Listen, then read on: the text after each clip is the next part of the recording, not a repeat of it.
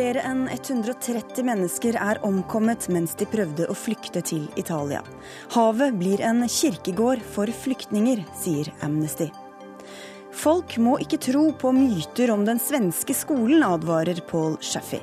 Men svensk skolestrateg advarer Norge mot å kopiere et system i krise. Høyre og Frp vil legalisere proffboksing. En livsfarlig og uetisk idrett, svarer Arbeiderpartiet. Og pengene fra salget av Oslo kino bør brukes på film, mener regissør Erik Poppe, og møter byråden til debatt.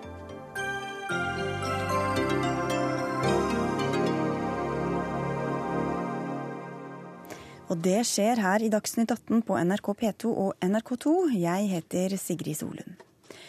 Minst 130 menneskeliv gikk tapt da en båt med afrikanske flyktninger kantret utenfor den italienske øya Lampedusa i ettermiddag. I tillegg er omtrent 200 eh, personer savnet. Beate Ekeløve Slydal, du er politisk rådgiver i Amnesty International. Eh, hvem var flyktningene om bord på denne båten? Så langt så vet vi at majoriteten av dem det var flyktninger fra Somalia og Eritrea. Og hvorfor eh, hadde de lagt ut på denne reisen, tror du? I Somalia og Eritrea så er det jo eh, uro og ustabilitet, eh, ikke minst i Somalia. Og Eritrea er jo et av verdens mest lukkede land, med en ekstrem undertrykking av befolkningen. Ingen ytrings- og forsamlingsfrihet osv. Så, videre. Så mange av de som flykter derfra, er å anse som reelle flyktninger som ville kunne ha rett til beskyttelse og asyl, f.eks. i et land som Norge. Også Marit Befring, du er NRKs europakorrespondent. Du er med oss fra Roma. Hva er siste nytt nå om eh, ulykken? Ja, Det siste vi har hørt nå, er at eh, de har funnet minst 130 døde. Eh, men ingen barn er funnet i live, og bare to av de rundt 100 kvinnene som blir tatt og har vært om bord i denne båten, er funnet Eh, påtalemyndigheten har også nå åpnet etterforskning av eh, det som skjedde. Eh, og de vurderer å stille en av disse menneskesmuglerne for massedrap etter at han ble pågrepet etter ulykken i dag. Det er en av de dødeligste som har vært her utenfor Lampedusa. Og legene sier at de trenger ikke kister nå, de trenger bare bårer. Vet vi noe om hva som skjedde om bord i båten før eh, kantringen skjedde? Ordføreren eh, på Lampedusa har sagt at eh, denne båten skal ha fått et motorhavari. Og så har de forsøkt å varsle folk ved å tenne et lite bål, og så har dette kommet helt ut av kontroll. Og Det førte til en desperat situasjon, fordi at denne båten var helt overfylt. Det ble snakket om at det var rundt 500 mennesker om bord. Men dette blir altså en del av etterforskningen nå. Paven har oppfordret til å be for ofrene. Hva er ellers reaksjonen fra italienske myndigheter? Myndighetene i Italia har nå sagt at i morgen skal det være en dags landesorg etter denne ulykken her. Eh, og den overskygger jo helt den andre store nyheten i Italia, der det var eh, risiko for at regjeringen skulle falle. I kveld skulle Berlusconis eh, parti ha et oppvaskmøte i morgen så er det meningen at uh, senatorene skal bestemme seg for om Berlusconi skal voteres ut av Senatet, men trolig så blir heller ikke det noe av. Takk skal du ha, også Marit Befring Ekeløve Slydal. Havet er blitt en kirkegård, sa du til oss eh, før eh, sending. Hvor mange er det som omkommer på denne måten i året? Den store tragedien i dette her, det er jo at ingen har den reelle, fulle oversikten over hvor mange mennesker som til enhver tid befinner seg på disse båtene som legger ut over en, et farlig stort hav. Det vi vet, er at det er eh, elendige båter, noen rustne holker ofte, eh, med altfor mange mennesker enn de har kapasitet til. Eh, og at det skjer tragiske ulykker, altså nesten på sommertiden så er det nesten ukentlig, men altså gjennom hele året skjer dette her utenfor kysten av Italia, utenfor kysten av Spania, utenfor vestkysten av Tyrkia. Eh, så de faktiske tallene vet vi ikke. Ingen vet egentlig hvor mange som er om bord. Og det betyr at eh, pårørende rundt om i Somalia, i Eritrea, i Afghanistan, i Irak, de går og venter på et livstegn fra sine sønner og døtre og fedre og barnebarn og vet ikke hva som har skjedd med dem. De får bare vite de vi klarer å finne, om de lever eller om de er døde. Men som sagt, dette, dette havet er en kirkegård. Men de, de, skjønner vel selv sikkert også farene ved det å legge ut på en sånn reise. Hva får dem til å gjøre det likevel? Bare det viser jo egentlig hvor desperate disse menneskene er. For det er klart, ja, eh, det store flertallet av disse som legger ut på denne farlige ferden, de vet hvilken risiko det medfører. Og så håper man allikevel at man skal komme trygt fram til Europa. Fordi eh, det livet man har, enten er så farlig og så undertrykkende at man ikke kan se for seg noe som kan være noe verre enn det, at alt må være bedre, og det er endog verdt å risikere livet for for å reise ut på en farlig ferd over havet. Vi hørte det, at det skal være landesorg i Italia i morgen. Men hvordan håndterer italienske og, de andre, og spanske og andre myndigheter disse flyktningstrømmene som kommer via disse båtene? Et dilemma er jo at uh, veldig mange av disse menneskene på flukt de kom jo da som første innfallsport til Lampedusa, til Cecilia, til uh, Lesbos i Hellas, til Spania. Og Det betyr at de har jo da en utfordring med å skulle håndtere alle disse menneskene på en god måte. Sørge for at de faktisk får søke om asyl og får en reell og grundig og god behandling av asylsøknaden sin. Og at de blir behandlet på en god måte mens de er der.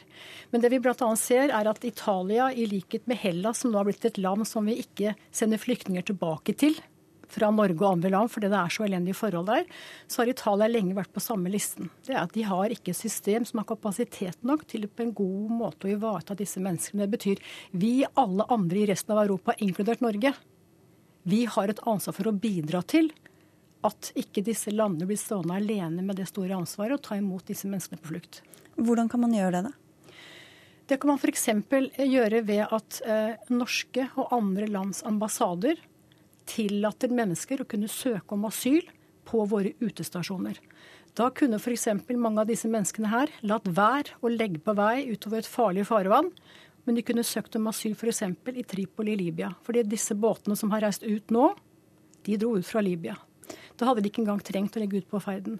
En annen ting er at Italia og EU de europeiske myndighetene de må slutte å ha som hovedprioritet å skulle holde mennesker vekk fra sine landegrenser. De må fordoble den muligheten de har til å kunne søke og hjelpe disse menneskene der ute på havet.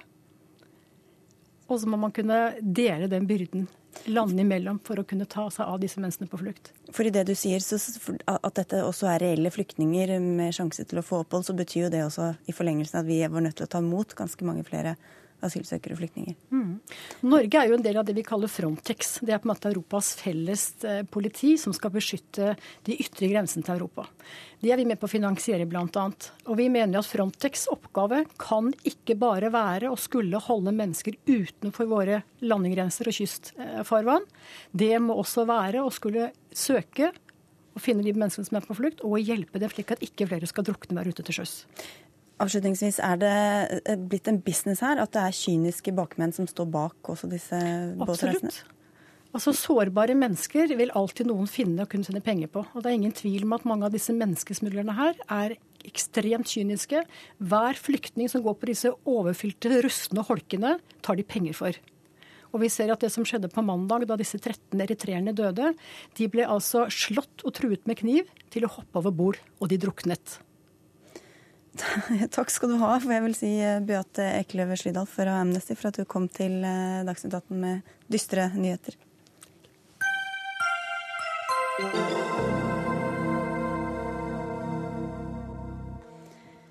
Før og under valgkampen advarte de rød-grønne mot svenske tilstander i norsk skolevesen. Nå er mytene de skapte nærmest blitt en sannhet i norsk offentlighet, har du skrevet i en kommentar i Dagens Næringsliv. Administrerende direktør i Abelia, Pål Schaffi, hva mener du med det? Nei, Jeg er litt redd for at det blir det, i hvert fall hvis det er sånn at uh, vi tror at uh, et større innslag av friskoler i Norge skal uh, skape all verdens andre problemer i samfunnet rundt oss, f.eks. i den offentlige skolen. Og Derfor så var det to myter vi beskrev da, i den, det innlegget. Det ene er at de private skolene bidrar til dårligere resultater i offentlig skole, som ikke stemmer, sånn som jeg har lest forskningsrapporter i Sverige. Og det andre er at det bidrar til en segregering, altså at det på en måte er en form for sosial uh, sortering som skjer, uh, som forsterkes. At det blir uh, rett og slett større sosiale forskjeller i samfunnet, eller at innvandrere går i en type skole og, og innfødte svensker i en annen type skole. Så det å, det å, på en måte få fakta på bordet, få fram hva som faktisk står i den forskningen som er gjort, det er viktig, syns jeg. Det syns sikkert du også, Per eh, Kornhall, selv om du kanskje har et litt annet syn på det. Du er altså svensk skolestrateg, forfatter og samfunnsdebattant. Og du skriver i et tilsvar til Shafi at det er han som står for mytespredningen. Hva legger du i det? Ja, altså her, Det er den andre punkten som er, som er en alvorlig eh, miss, altså missbeskrivning. Det er en vilseledning av norsk publikum.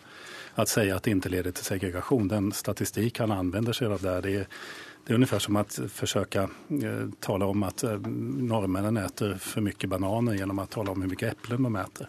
Vi har väldigt, väldigt mycket bra bevis, forskningsrapporter på hur segregation og hur likvärdighet skadas Men hva, av, hvordan, av skolsystemet, av friskolesystemet. Hva slags segregering er det det snakk om? Altså, det handler jo om at vi prater, Det finnes en forsker til eksempel i staden Örebro i Sverige som mener at det vi ser er jo en white flight-problematikk. Det vil si at Eh, människor, de som har bättre ställt, de väljer skolor åt sina barn. Vi ser väldigt tydliga sådana strömmar.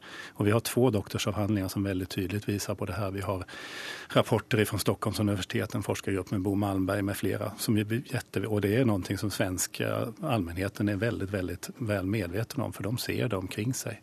Alltså barn sorteras efter sitt ursprung i, i Sverige istället för for något annat. De här forskarna, på Malmö säger att det är inte kvalitet som driver det här, utan det är Alltså då, det är frågan om vilken hudfärg man har och det är den typen av segregation som vi ser.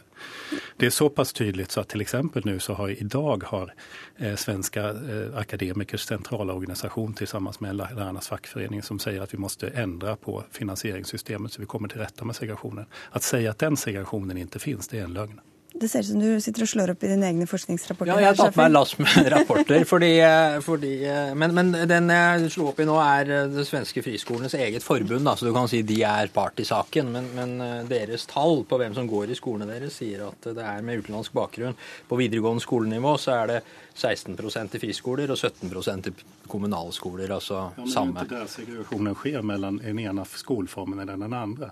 Det som hender er at segregasjon mellom skoler i en stad. Iblant kan det være så at föräldrarna väljer bort de kommunale skolorna til en friskola. Ibland kan det gå til andre hållet. På det nationella. det er ikke skillnaden mellom skoler. Jo, men, og tallene for, för, men det, för, för det som hender, jeg kan si, att, för det er ikke det som er, det är inte det som er segregationen. Segregationen är det som skjer i svenska steder og i svenska forortssamfunn.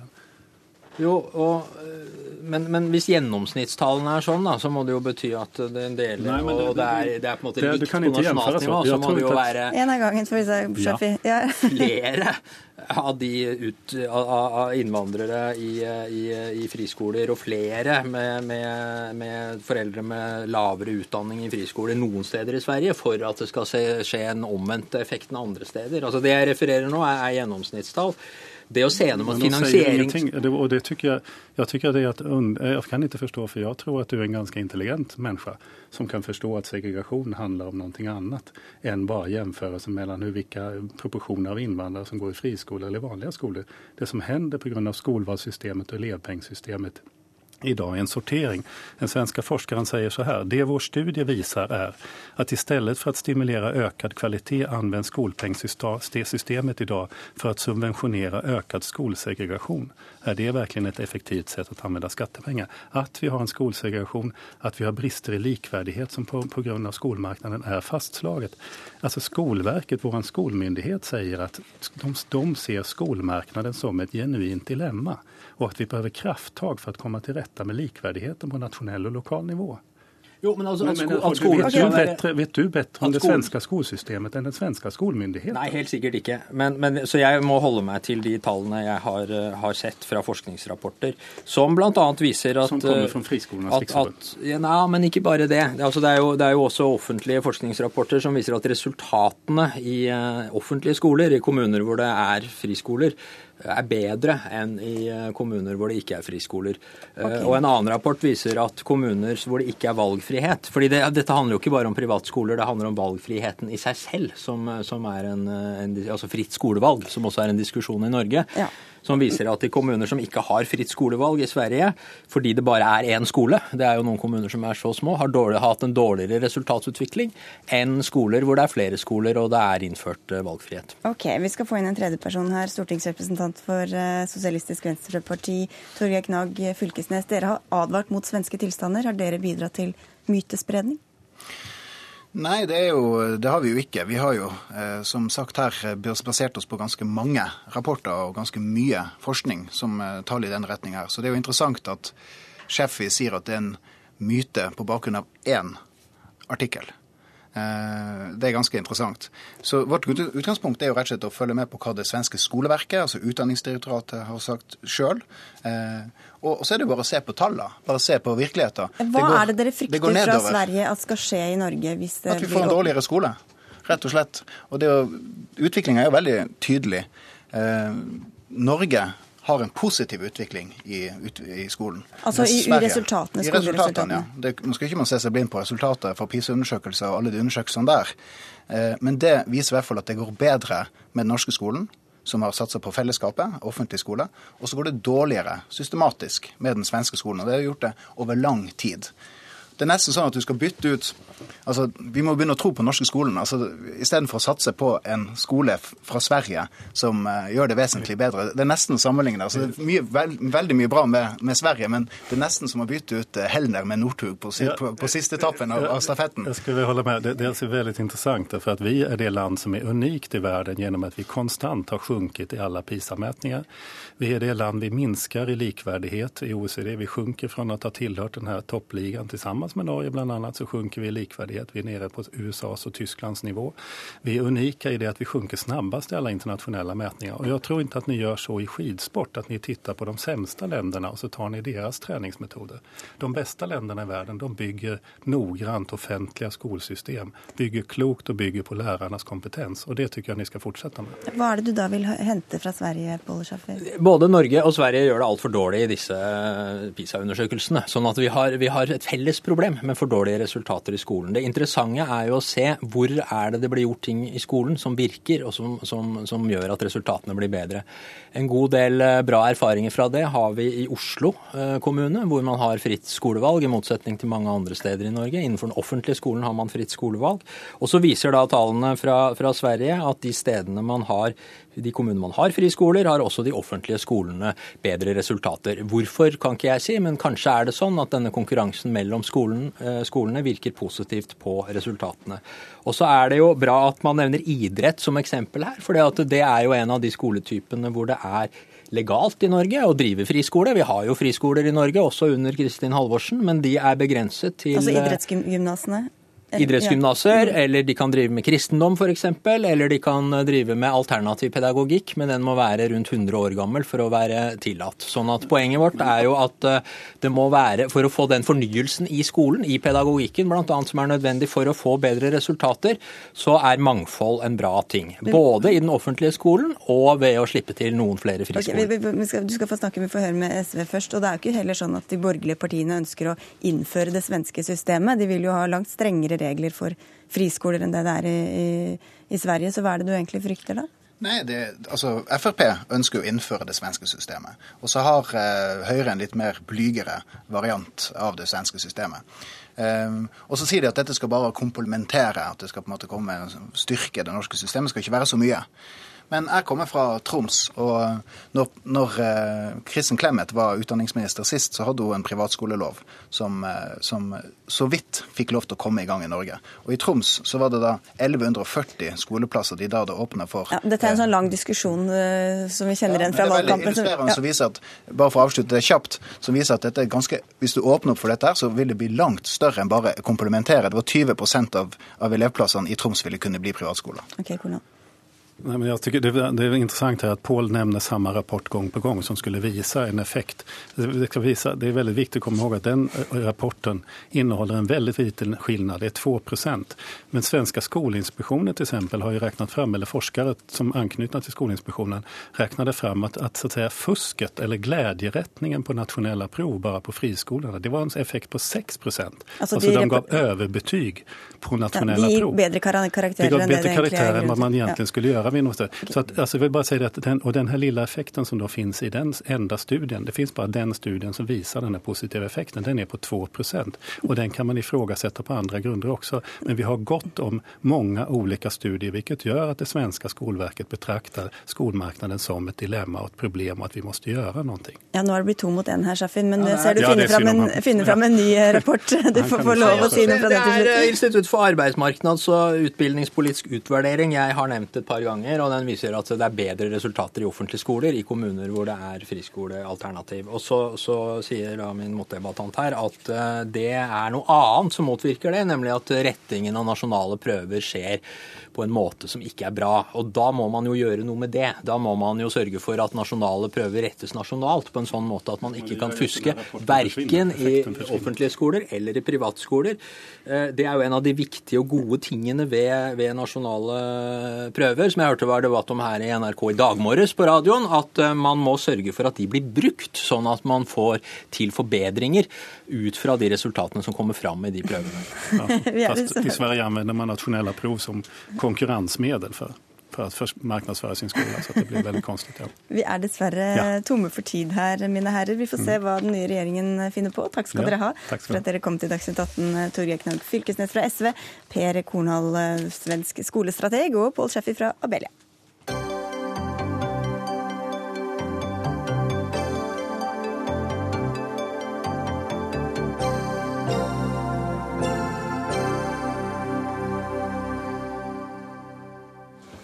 En rekke miljøvernorganisasjoner, næringslivsorganisasjoner og investorer har skrevet under på et opprop hvor de ber oljefondet satse på fornybar energi. I oppfordringen til det nye flertallet på Stortinget heter det at oljefondet bør investere ikke bare i aksjer, men også direkte i produksjonen av fornybar energi.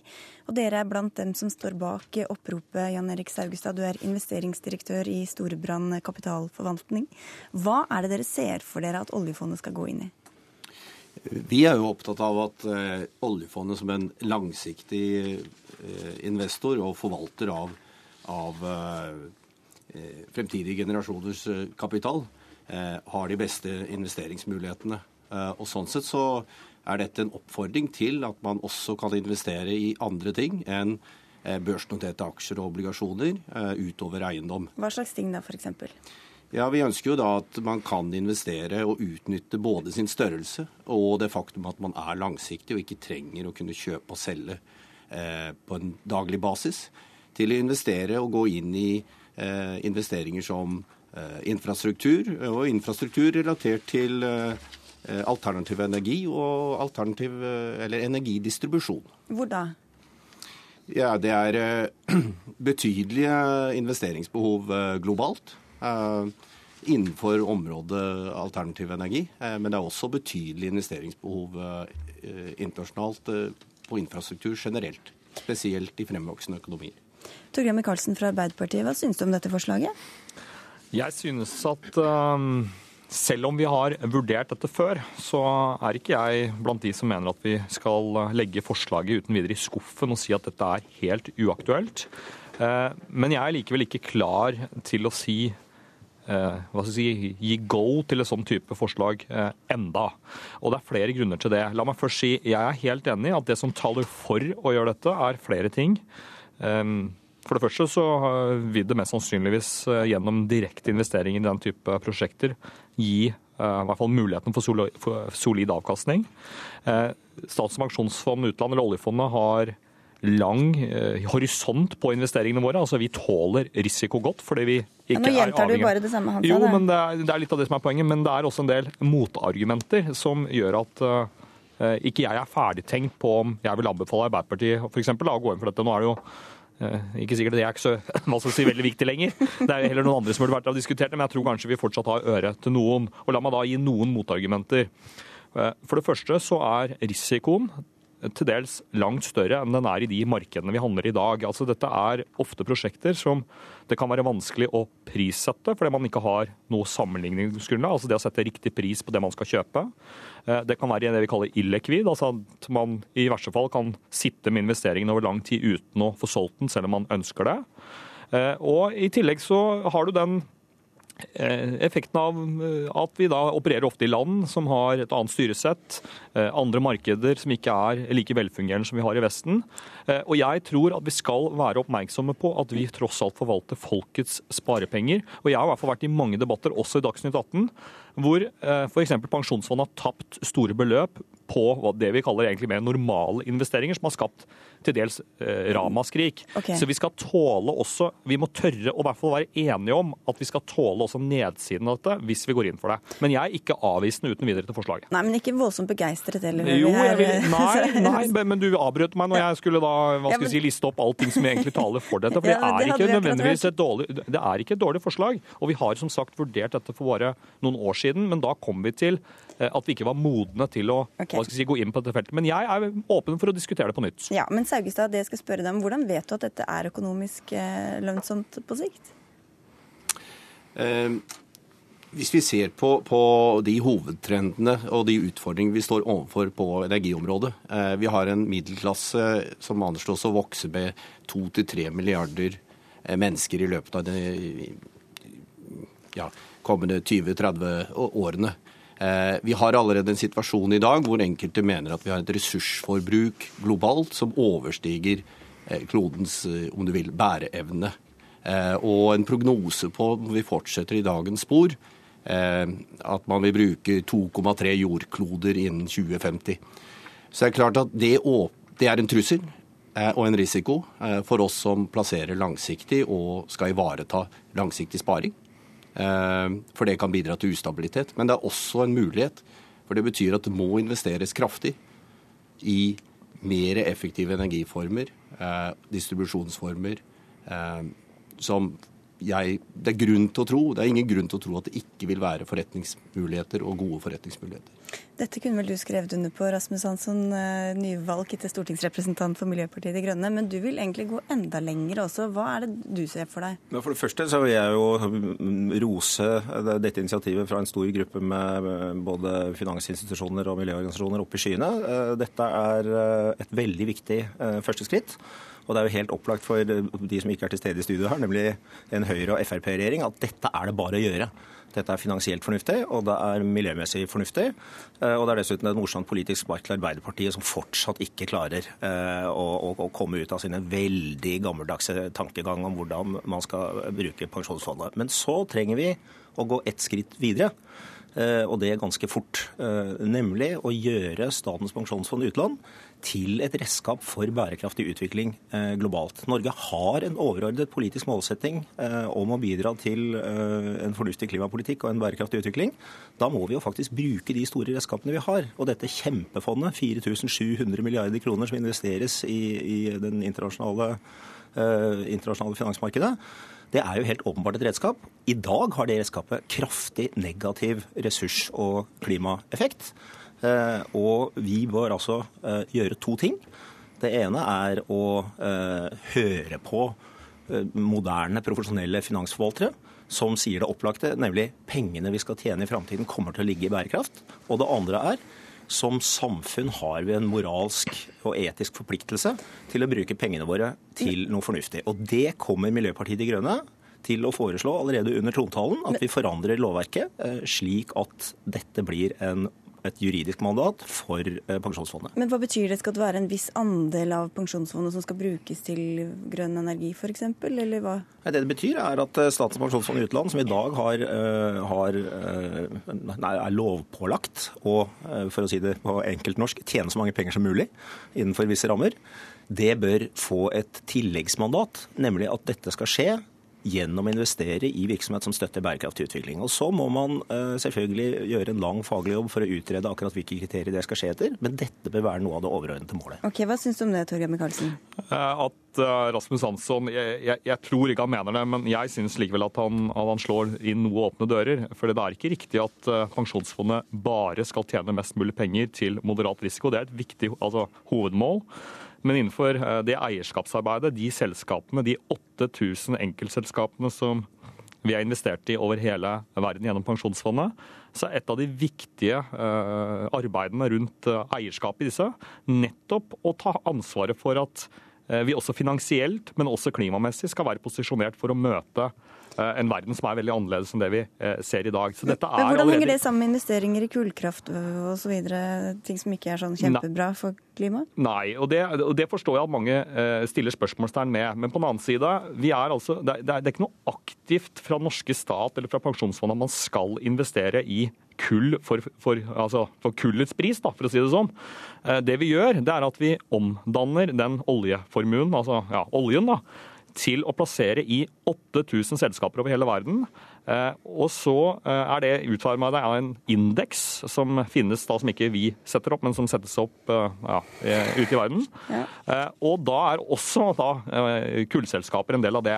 Men det er også en lang rekke svært offensive, miljøvennlige, fornybar energi, andre miljøvennlige ting som også er en del av denne strategien. Og jeg mener faktisk at samlet sett, når man ser på de etiske retningslinjene, det eierskapsarbeidet som gjøres via Norges Bank for, i forhold til Pensjonsfondet, gjør at Pensjonsfondet som det framstår i dag, er et av de mest offensive på disse områdene. Right. Men jeg er åpen, som sagt, til å diskutere ja. ja. men jeg sitter i studio i Drammen, ja. så jeg vet ikke når du begynner å nikke på hodet og, og si at jeg må slutte. Ja. Jeg vil bare si til slutt, jeg er åpen for å diskutere både med Rasmus Hansson og med eh, mange av disse organisasjonene og det finansielle miljøet, okay. hvordan dette kan styrkes ytterligere i åra som kommer. Vi prøver å snakke litt kort her på slutten. Rasmus Hansson, hvorfor skal akkurat grønne investeringer ligge til grunn, og ikke f.eks. bekjempelse av fattigdom, mot kvinneundertrykkelse osv., osv.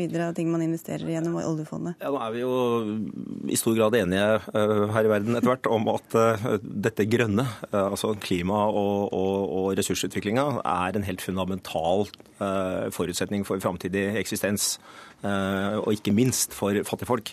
Derfor må det ligge til grunn for all politikk etter hvert, og selvfølgelig for et fond som dette. Og hva slags, hva slags interesse merker dere Saugstad, fra forbrukerne for å investere grønt? Jeg vil si Vi ser økt interesse for å investere bærekraftig. Folk er opptatt av en, hvor pengene deres blir investert. De vil ha trygghet for at det er Eh, investert i ordentlige selskaper. Eh, og de vil selvsagt være opptatt av at vi investerer på en måte som de synes er forenlig med det de oppfatter å være langsiktig. Eh, så En kort kommentar til dette med spredning og rollen SPU har. Det er klart Noe av rollen SPU hadde, var å omsette oljeformuen til finansiell aktiva. Og således spre risikoen. Det er klart, da er det paradoksalt om man da bruker de finansielle aktivaene til å investere i olje igjen. Så Det er jo faktisk mer rasjonelt da å si at bærekraftig eller eh, hva skal vi si, eh, grønne investeringer eller alternativ energi er en enda sterkere risikospredning. Ok, Det får bli siste ord i denne debatten. Takk skal dere ha, Jan Erik Saugestad fra Storebrand, Rasmus Hansson fra Miljøpartiet De Grønne og Torgeir Micaelsen fra Arbeiderpartiet.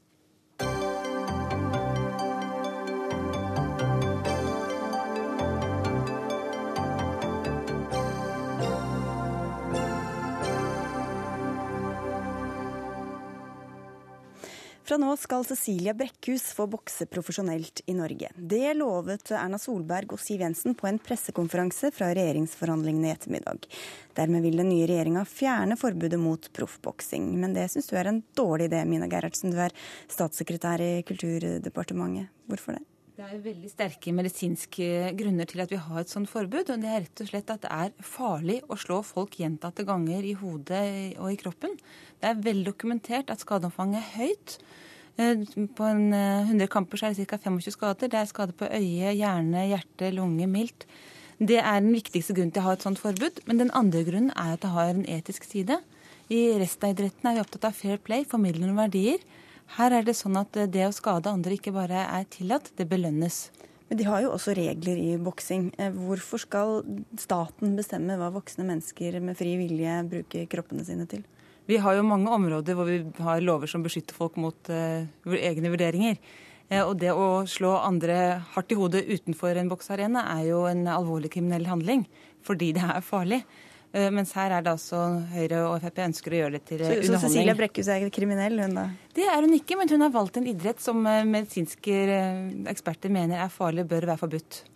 Linda Hofstad Helleland, du er stortingsrepresentant eh, for Høyre. Vi hører om skadene her, og Legeforeningen advarer på det sterkeste. Hvorfor vil du da gjøre dette tillatt?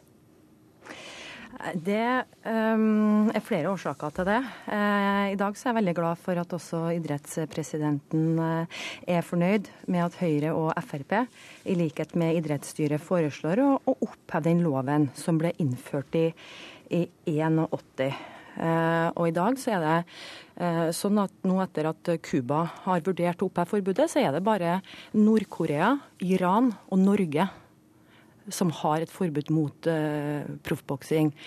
Uh, og for Høyre og Frp, og for så vidt for KrF og Venstre også, som i flere år nå har foreslått å oppheve forbudet, så har det jo en prinsipiell uh, bakgrunn også, fordi vi mener at politikere ikke skal sitte og detaljstyre hvilke idrettsgrener som skal tillates og ikke. Det skal være opp til idretten sjøl. Når det gjelder det medisinske sida av det, så er det mange som bruker tall. og fra Asia. Nå er det sånn at I Europa så er det et helt annet lisensieringssystem.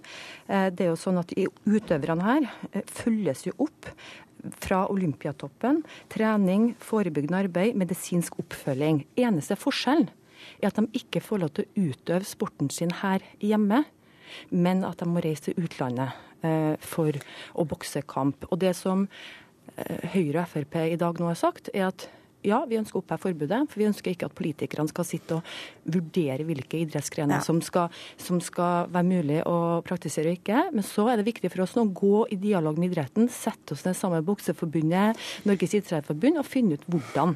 Dere eh, trenger ikke å si alt på én gang.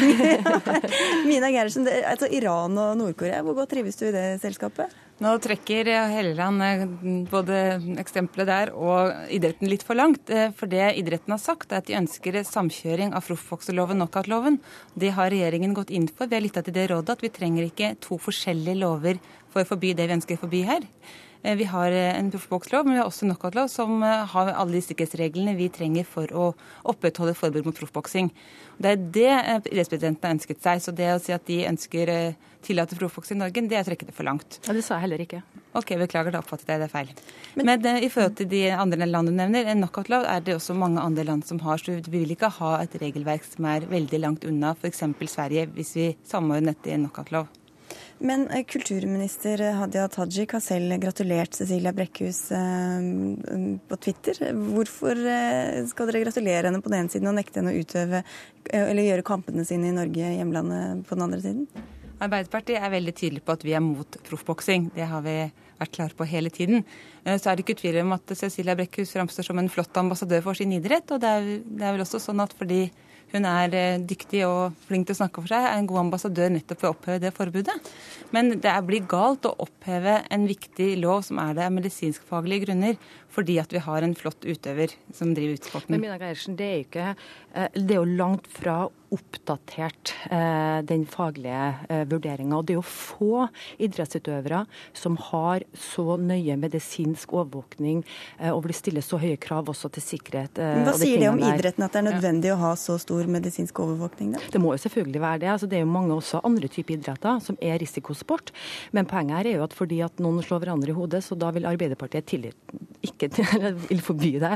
Mens vi sier at ok, det må være opp til idretten sjøl. Og så må det også være opp til de utøverne utøverne sjøl hvem som velger hvilke idrettsgrener de ønsker å satse på og ikke. Og når det er Iran og Nord-Korea sammen med Norge som har et sånt forbud, så tror jeg at det er på tide at dette er en av de forbudene vi faktisk vurderer å oppheve. Og i, i, år nå så ble jo Cecilia Brekkhus um, um, ble jo da kåra til årets idrettsutøver av det norske folk, altså folkets uh, idrettshelt. Og jeg, tenker det at uh, det norske folk er veldig stolt uh, av hun. Jeg vet det ville betydd veldig mye for Cecilia å få bokse hjemme foran det norske folk. Hun Så da er det populært å fjerne, å fjerne, forbudet? Nei, men det her er jo like mye en prinsipiell argumentasjon over at jeg mener det er feil at eh, politikere sitter på Stortinget og skal avgjøre hvilke idrettsgrener som skal forbys eh, og ikke. Og hadde håpa på at også Arbeiderpartiet kom til den konklusjonen.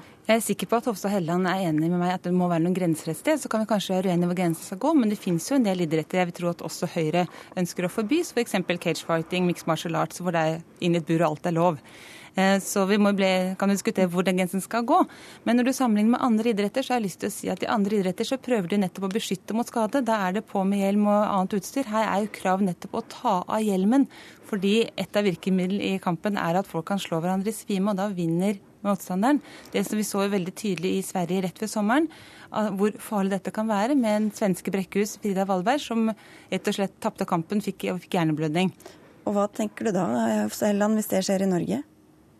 Jeg tenker at Det er en risiko forbundet med eh, mange typer idretter, men det her må også være opp til idretten sjøl å vurdere. og Det er jo det Høyre og Frp nå ønsker å sette oss ned med Bokseforbundet, sette oss ned med Norges idrettsforbund og se hvordan vi kan eh, få på plass et eh, regelverk som gjør at Cecilia ikke skal bare få oppfølging som idrettsutøver i Olympiatoppen her hjemme men at hun også skal få lov til å, å bokse hjemme. Mm. Eh, eh, til slutt her, Håstad Helleland. Proffboksing, utmarkskjøring. Hva sier det om prioriteringene deres at dette er noen av de første sakene dere tar tak i?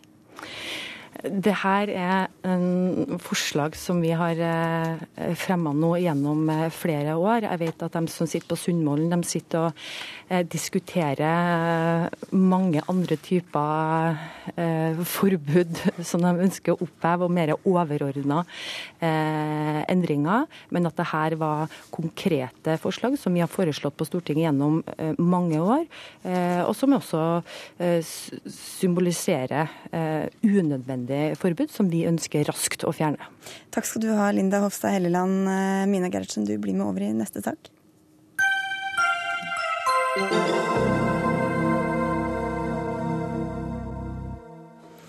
For den eh, frivillige organisasjonen Special Olympics Norge fikk eh, nylig avslag på søknaden om driftstilskudd på 1,2 millioner kroner fra Kulturdepartementet. Nå må organisasjonen avlyse aktivitet og lukke kontorene sine i Oslo. Stål Rune Jensen, du er fungerende direktør, eh, nei, generalsekretær i denne organisasjonen. Hva var det dere ville ha tilskudd til? Nei, det, det var jo aktiviteter til de utviklingshemmede. Og det er jo liksom jobben vi gjør i forkant til å planlegge aktiviteter, og, og, og generelt aktiviteter i, eh, når det gjelder norgesmesterskap eller nasjonale stevner, og, og, drift generelt. Da. Det er sikkert ikke alle som kjenner til organisasjonen. Hvem er det som er medlemmer eller som skal få disse tilbudene? Det er de utviklingshemmede i Norge. Primært så er det jo Eh, NIF som har de ordinære idrettene, og så er det jo Paralympic som har de som er handikappa. Og så er det vi i Special Olympic som tar oss av de utviklingshemmede. Og Hvor overraskende kom dette avslaget fra Kulturdepartementet for dere? Det kom veldig overraskende. For at eh, vi, vi var jo i statsministerboligen her eh, før i år og, og ble hedra av regjering. Og fikk tilbakemeldinger både fra kulturministeren og, og likestillingsministeren at de midlene de skulle skaffes. Hvorfor gjorde de ikke det da, Mina Gerhardsen, fortsatt sekretær i Kulturdepartementet? Eh, jeg tror ikke det har vært gitt et sånt løfte noen gang. Eh, det som er viktig for meg å si, er at vi er jo, deler veldig engasjementet for å gi et tilbud til utviklingshemmede innen idrett. Og Statens måte å gjøre det på er jo gjennom eh, de lokale laga, gjennom klubbene som kan gi et tilbud. og Der gjør idretten en kjempejobb mange steder. Så det er jo hverdagsidretten som er vårt ansvar å bidra til, og det gjør vi gjennom spillemidlene. Og veldig mange får et godt tilbud. Det, det forteller også Special Olympics oss så er Special Olympics et flott supplement. De gjør at noen får være med på arrangementer og stevner. Det er kjempeflott. Eh, men det er ikke en del av kjerneoppgaven til staten. Vi støtter ikke arrangementer for noen idretter. Vi er opptatt av hverdagsidretten hjemme der folk bor, og det er det vi rette for også for utviklingshemmede. Men hvorfor har de fått støtte før, men ikke nå, da? De har ikke fått støtte før. Derfor er det også litt overraskende for oss at de lager et budsjett og regner med eh, over en million kroner fra staten. Og sånn at det, det, er ikke vanskelig å forstå at de gjerne skulle ønske seg penger, men å se at de har laget et budsjett basert på det, og nå får problemer fordi penger de ikke har fått før, heller ikke kommer nå, det er jo litt vanskelig for oss å forholde oss til. Eh, litt kommentar til det når, når du sier at utviklingshemmede har et godt tilbud i de ordinære klubbene. Det er helt riktig. Men det, det vi må huske på, at de utviklingshemmede er i segregerte grupper i de lokale idrettslagene. Det vil si det at det er styrt av foreldre og, og, og ildsjeler, sånn som, sånn som undertegnede. Og det er klart at nå i 2012, eh, 21.12.2012, så fikk jo Vivi-lekene eh, midler fra staten og, og, og Ekstrastiftelsen. Eh, og, og, de er jo også en segregert gruppe. Og det har de vært siden 78. Men hvordan kunne dere regne med å få penger og legge inn det i budsjettet, da? Eh, det var vel det at det var vel et møte i, i, i februar også med NIF og, og, og, og Familiedepartementet, og ble oppfordra faktisk til å søke om, om, midler. Nå er ikke de NIF vil gjerne være med, de er ikke med her i Nei. debatten, så vi skal Nei. ikke trekke inn dem for mye. Men Nei. Eh, Mina Gerhardsen vi har jo ønsket at eh, NIF og Special Olympics kunne få til å gjenoppta samarbeidet. De hadde en samarbeidsavtale før. Eh, den ble brutt i 2012 fordi Special Olympics har inngått en samarbeidsavtale med et spillselskap som ikke er tillatt i Norge, og også konkurrerer med Norsk Tipping, og da ble den avtalen brutt. Vi har oppfordret til videre dialog der, fordi at eh, vi organiserer idretten gjennom idrettslagene, og ser at det er det som er veien å gå her. Du har kalt dette avslaget for diskriminering på høyt plan. Men hvorfor er det diskriminerende å ikke gi penger til alle gode formål som ønsker seg midler fra staten? Nei, jeg vil dele det egentlig opp i to når det gjelder diskriminering. Først så vil jeg den, den, den jeg har fått fra de utviklingshemma. Det har bare strømma på med mailer og SMS-er fra utviklingshemma sjøl. Og de sier at de, de føler de blir diskriminert, de føler de blir lurt eller gjemt under en stein. Og når jeg sier diskriminering, så mener jeg hvorfor skal ikke dem på lik linje som de ordinære landslagene få delta i internasjonale stevner, sånn som VM, EM og Olympiaden. Derfor mener jeg det er en diskriminering, så lenge ikke fellesskapet og staten støtter den jobben som vi gjør, og den positive tilbakemeldinga vi får at vi gjør en fantastisk jobb for de utviklingshemmede. Men er det ikke mange som gjør en fantastisk jobb, så må man bare prioritere hvordan man skal gi pengene, da? Jo, men, men, men, sånn som når jeg, når jeg, har jo holdt på i 23 år, og, og prata nå med presidenten i Civitana, holdt på i 40 år. Og det er klart at når vi er over 100 000 utviklingshemma, jeg sier vi, for jeg er med dem, over 100 000 utviklingshemma i Norge, og så er det 2-3% som er aktive én gang i uka i de lokale klubbene så er det vel ingen som kan klappe seg på skuldrene og si at vi har gjort en kjempebra jobb de siste 50 årene. Så jeg mener vi må få en debatt, sånn som vi har starta med nå. Vi må få fokus nå på de utviklingshemma. De har blitt gjemt. Og sånn skal det ikke være i dag, altså. Jeg er helt enig at det er et viktig mm. tilbud, og det er jo målet for oss at alle som ønsker å delta, skal kunne delta. Mm. Og så gjør idretten mange steder en god jobb, som vi har snakka om. Også Også fødte arrangementer. Når dere var i Sør-Korea, så var Skiforbundet med. Stilte med folk og støtteapparat også, og penger. Så det er jo mange deler av den ordinære idretten som også stiller opp for det arbeidet dere gjør. Og det er jo det samarbeidet der som vi, vi må få til kanskje enda mer av. Men apropos penger, så var det Special Olympics som betalte lønna til de i langrenn. Men det blir en annen diskusjon. Ja. Men, men, jeg vil bare skyte inn her, som er egentlig ganske viktig her også. Det, det er det at eh, når, når, Kulturdepartementet gir oss et avslag på NIFs reglement De vet jo det at vi har jo ikke avtaler med, med, med NIF i det hele tatt. ikke sant? Så det vil si, de skjærer av oss hodet med en gang. Det skal ikke penger til de utviklingshemma. Sånn føler jeg det når jeg leser avslag. Ok, Du får svare helt eh, til slutt på det. Ja, Mina Det er eh, statens reglement på hvordan vi bruker spillemidler. De går til aktivitet, til lokale ledd, det går til anlegg, det går ikke til arrangementer. og Det er også begrunnelsen for avslaget. Aktivitet er det vi gjør hver dag. Og Det skal inkludere psykisk utvikling også i lokale lag. Ja. Ok, Takk skal dere ha i hvert fall for at dere kom til Dagsnytt 18. Mina Gerhardsen, statssekretær i Kulturdepartementet fra Arbeiderpartiet. Og Sol Rune Jensen, som også er eh, fungerende generalsekretær i Special Olympics Norge.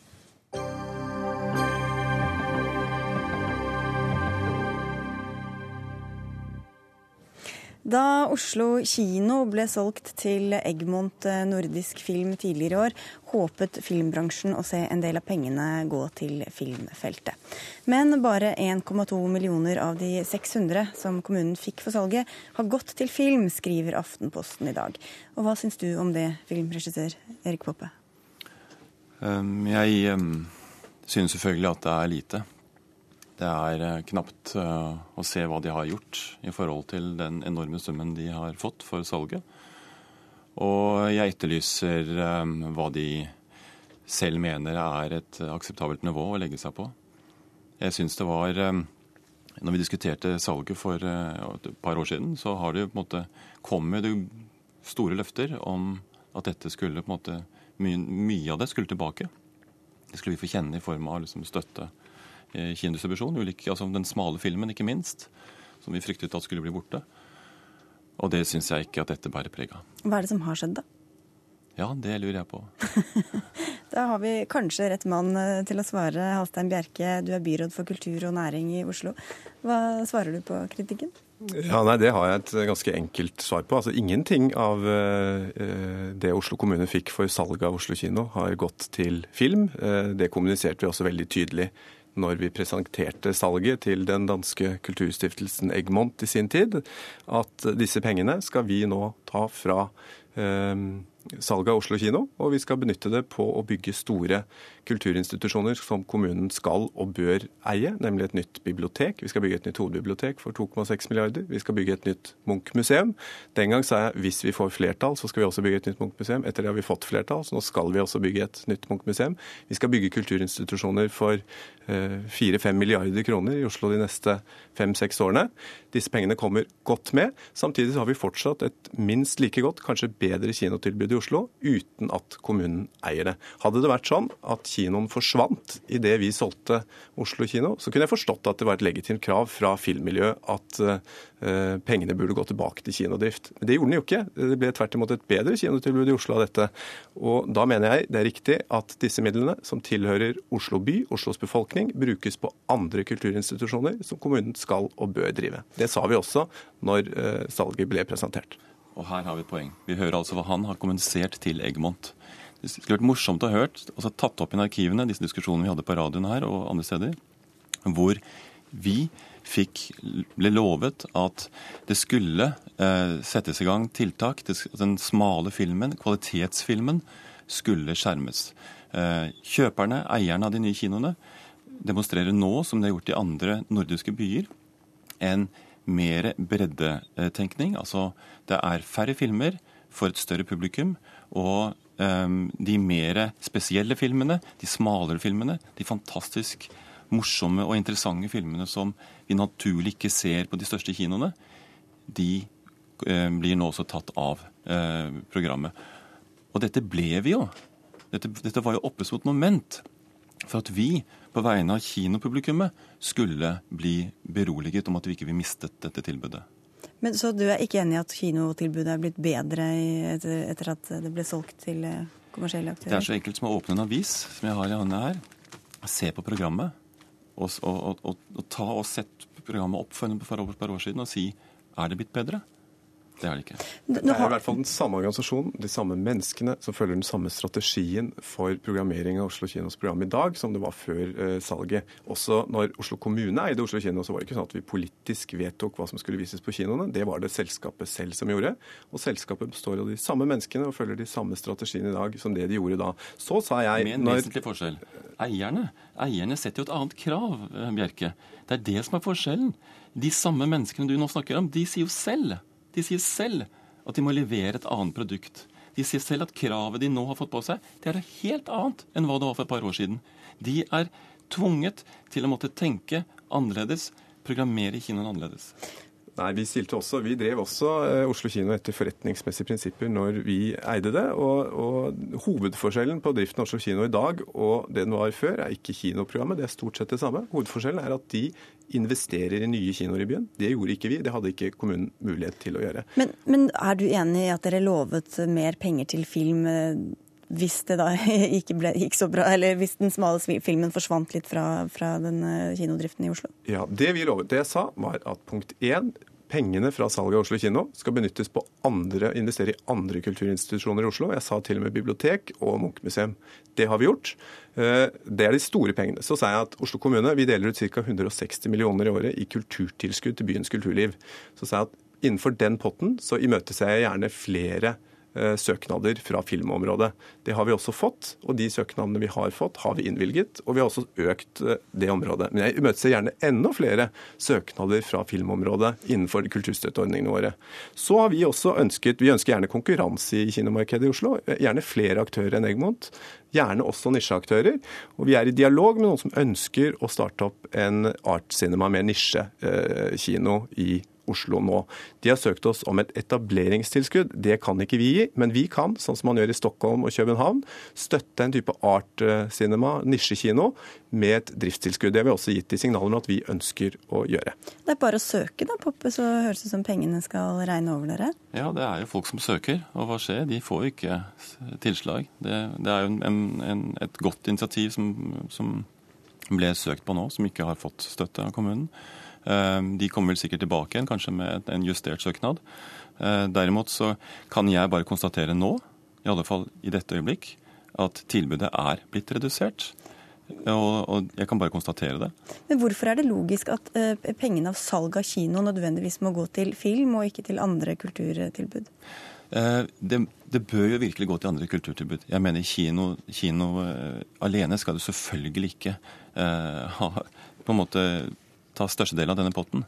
Men av et beløp på over 630 millioner kroner som det ble av salget, så har vi altså registrert her at Samlet sett så er det, det 1,3 millioner som har blitt eh, gått tilbake for å da på en måte støtte festivaler osv. Eh, prosjekter som også tidligere har fått støtte. Så det er ikke så revolusjonerende det de gjør nå i det hele tatt.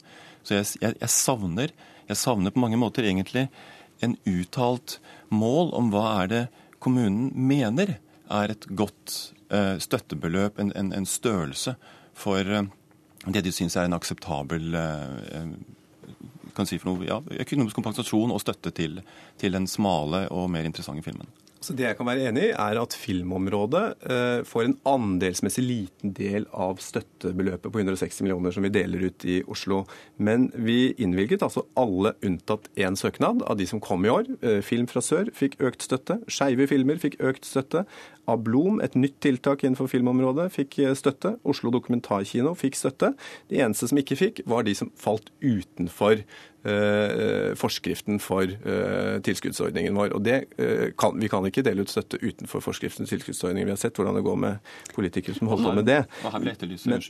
Men, men, men vi, har stor, men vi, har, vi imøteser som jeg sa, gjerne enda flere søknader på filmområdet, og vi ønsker å gjøre mer. Og disse som ønsker å etablere en Art Cinema Oslo, er vi i dialog med. Vi ønsker å bidra til å løfte et sånt prosjekt. Vi kan ikke gjøre det gjennom en etableringstilskudd, men vi kan gjøre det når de har fått det opp og gå, gjennom å støtte driften, sånn som de også gjør i København og Stockholm. Jeg, jeg skulle gjerne hørt et tall, jeg skulle gjerne hørt en størrelse på hva de selv mener faktisk er et rimelig beløp, en rimelig innsats for å verne om og løfte fram den filmen og det eh, kinotilbudet som ikke vi lenger har.